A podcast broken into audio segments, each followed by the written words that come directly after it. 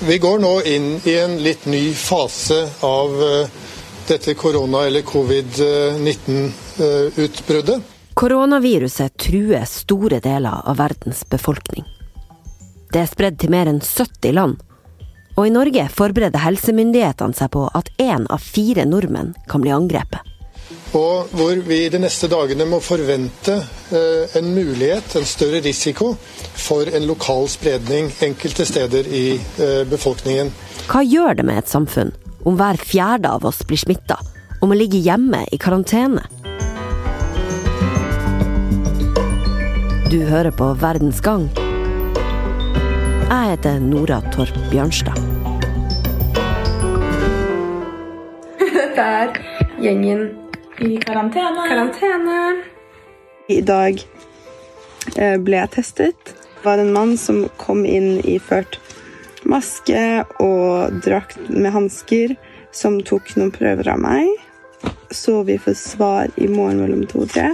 Så det blir veldig spennende, og vi krysser fingrene våre. De to 19-åringene Charlotte Aasby og Fanny Brun var isolert i flere dager etter at førstnevnte kom hjem fra Indonesia og følte seg sjuk. Og venninna hadde vært sammen med henne i tida etter hun kom hjem. Liksom, eller sannsynligheten for at, vi, at det skal slå veldig hardt utover oss, er vel ikke så veldig stor. Og han egen som var her i går, fortalte oss litt om det, og vi har blitt veldig trygge. Og vi er ikke like redde som det vi kanskje var. Og det Ja. vil jeg at folk skal vite. Der satt de to, i huset på Ullern. Koronaviruset gjør oss nok alle litt mer påpasselig, og for noen får det store konsekvenser. Når man setter folk i karantene, kan de ikke gjøre de tingene de vanligvis gjør, som hjelper verdensøkonomien å gå rundt.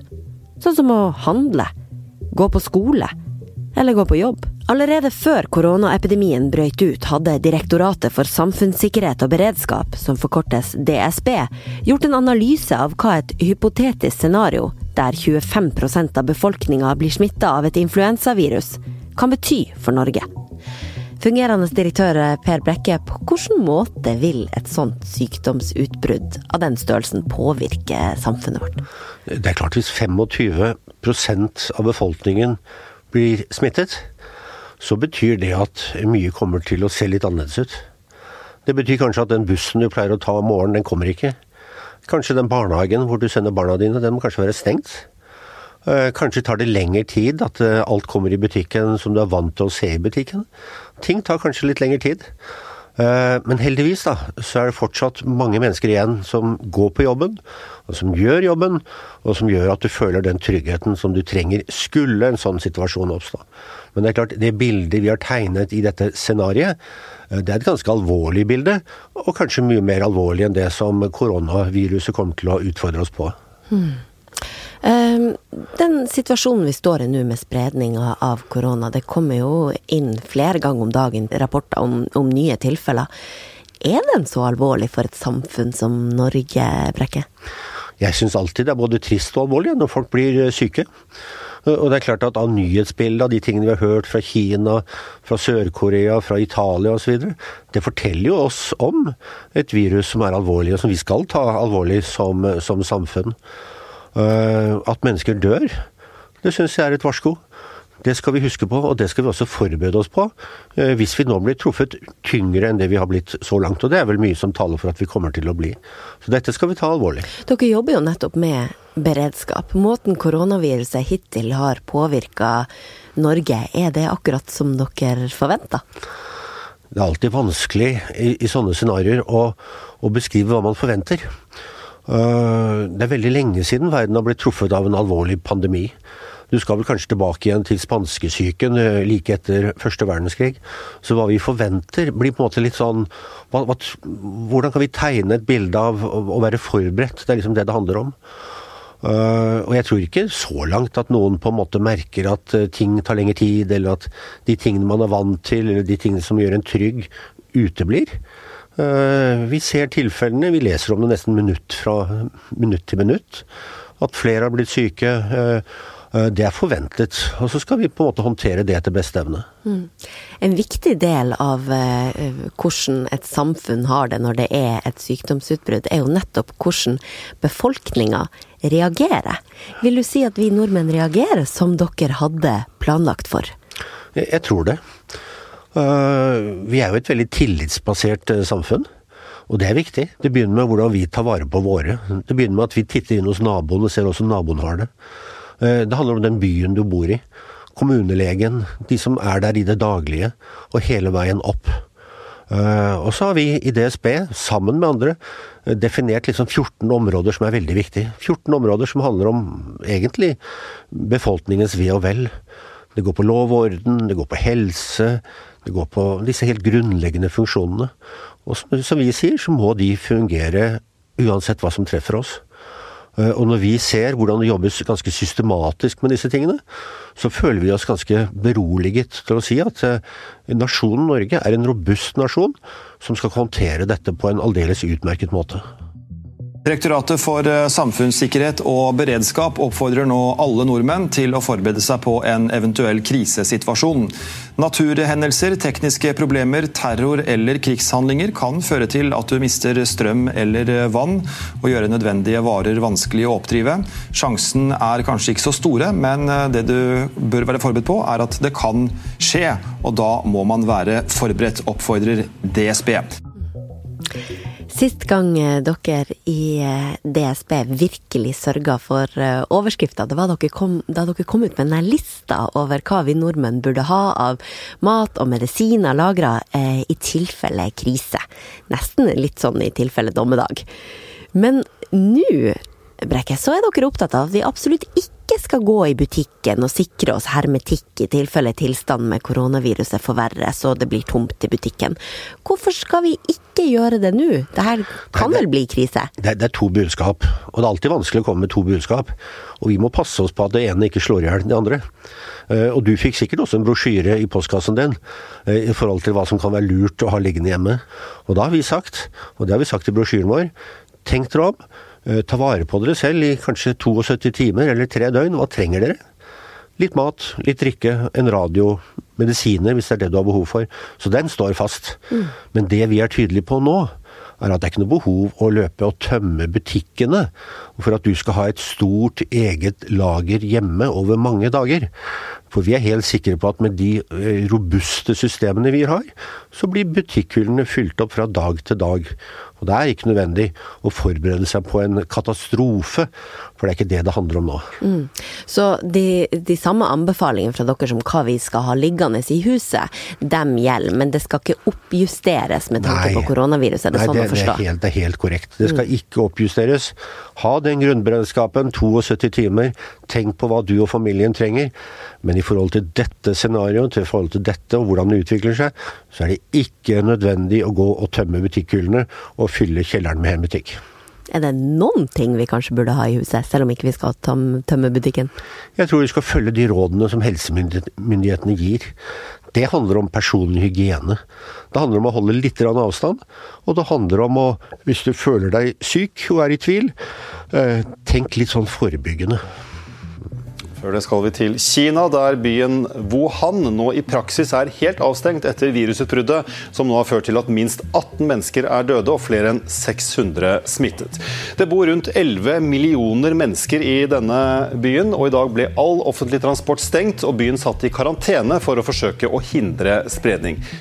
Brekke, det er jo veldig stor forskjell på hva man anbefaler i ulike land for å bremse smitten. Altså, vi har jo Kina som har hermetisk stengt ned infiserte byer, og der hvor eh, man ser folk eh, alle på gata gå med maske og, og store drakter på seg. Eh, og så har vi land som Japan, som stenger ned skolene.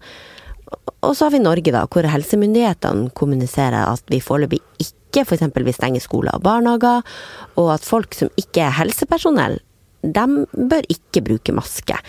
Hvorfor er det så stor forskjell på hva man anbefaler i de ulike landene? Det er nok flere grunner til det. Jeg tror også den kulturelle dimensjonen.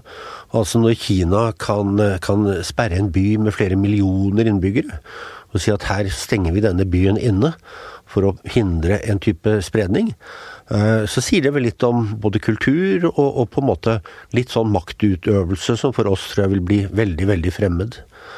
Eh, og så har dette spredd seg på litt ulike måter. Her hjemme er vi vant til å skal vi si, lytte til de rådene som helsemyndighetene gir. De vurderer situasjonen fra time til time, eh, og de har så langt ikke sett noe behov for å komme med råd i den retningen som du nå også spør om. Altså med hensyn til å stenge skoler og barnehager osv. Eh, egentlig så er beskjeden la livet fortsette som det gjør.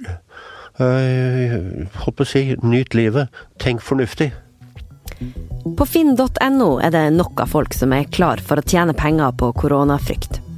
Hvis jeg scroller gjennom der, så finner jeg munnbind til salgs for opp mot 850 kroner per stykk. Og munnbind er jo faktisk noe helsemyndighetene ikke anbefaler for friske personer som ikke jobber i helsetjenesten. Blant annet fordi eh, dem som bruker munnbind oftere tar seg til ansiktet, noe som øker smittefaren. Det selges også luftrensere som hevder å drepe virus som korona, for 8500 kroner. Dere som jobber med samfunnssikkerhet er jo opptatt av, og det hører vi jo deg si i dag, at vi må holde hodet kaldt. På hvilken måte kan det skade Norge hvis folk blir veldig bekymra, nærmest får panikk? Jeg tror at mennesker som får panikk, kanskje gjør litt dumme ting. Og det gjelder ikke nødvendigvis bare denne situasjonen. Eh, jeg tror ofte at man tenker eh, Man handler bedre når man tenker litt rolig gjennom hva dette handler om. At man lytter til de rådene som gis, at man forstår de rådene som man gis, og man agerer etter de rådene som, som gis. Eh, på beredskapssporet så er det alltid slik at vi har diskutert dette. Vi har en plan i forhold til hva vi kan, kan, gjøre. Vi har øvd denne planen for å se at den fungerer. Eh, og da gir det en type ro når man møter denne situasjonen. Det er litt som en sånn brannøvelse kanskje på f.eks. på en skole. Karantenevenninnene Charlotte og Fanny beholdt roen. Og det er ikke farlig å være i karantene. Det er ikke skummelt. Det er bare å være i huset sitt i et par dager, og det går helt fint.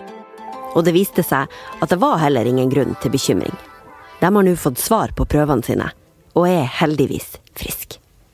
Men fortsatt sitter flere hundre mennesker i karantene i Norge. Hvilke samfunnssikkerhetstiltak eh, kan dere vurdere å igangsette dersom situasjonen blir enda mer alvorlig og vanskeligere enn nå? Og Det vil jo være en situasjon hvor noen tjenester kanskje faller bort. Dette er et spørsmål som helse må vurdere. Store idrettsarrangement. Store ansamlinger av, eh, av folk. Eh, reisevirksomhet, ikke minst. Er det råd som nå må gis i forhold til eh, at dette sykdomsbildet forandrer seg? Så det er en løpende vurdering som hele tiden må gjøres i forhold til uh, hvor er det trygt å oppholde seg. Og så skal man alltid huske på at uh, det er en sånn balansegang mellom å gi råd og det at folk også skal leve et, et normalt liv så langt som det er mulig å gjøre. Mm. Eh, sett av erfaring fra andre virusutbrudd, epidemier, pandemier, hvor lenge regner man med at man må eh, forholde seg til å kjempe mot det viruset her? Eh, jeg er ikke noen fagmann på dette, men jeg registrerer jo at i Kina så synes det som at denne kurven kanskje er på vei ned igjen. Eh, om det sier noe om tiden dette er, eh, er spesielt eh, farlig eller krever aktsomhet, det skal jeg ikke si. Men her må nok ekspertene få lov til å slippe til å mene noe om det. Og som sagt, vi vet kanskje ikke nok om viruset ennå til å kunne gi et sånt estimat. Går du fortsatt og lurer på noe om det nye koronaviruset? Folkehelseinstituttets fhi.no har mange svar. Du har hørt en episode av podkasten Verdens gang, VGs daglige nyhetspodkast. Den lages av Emilie Hall Torp, Tor Erling Tømtrud, Kristine Hellesland og meg, Nora Torp Bjørnstad. Teknisk produsent er Magne Antonsen.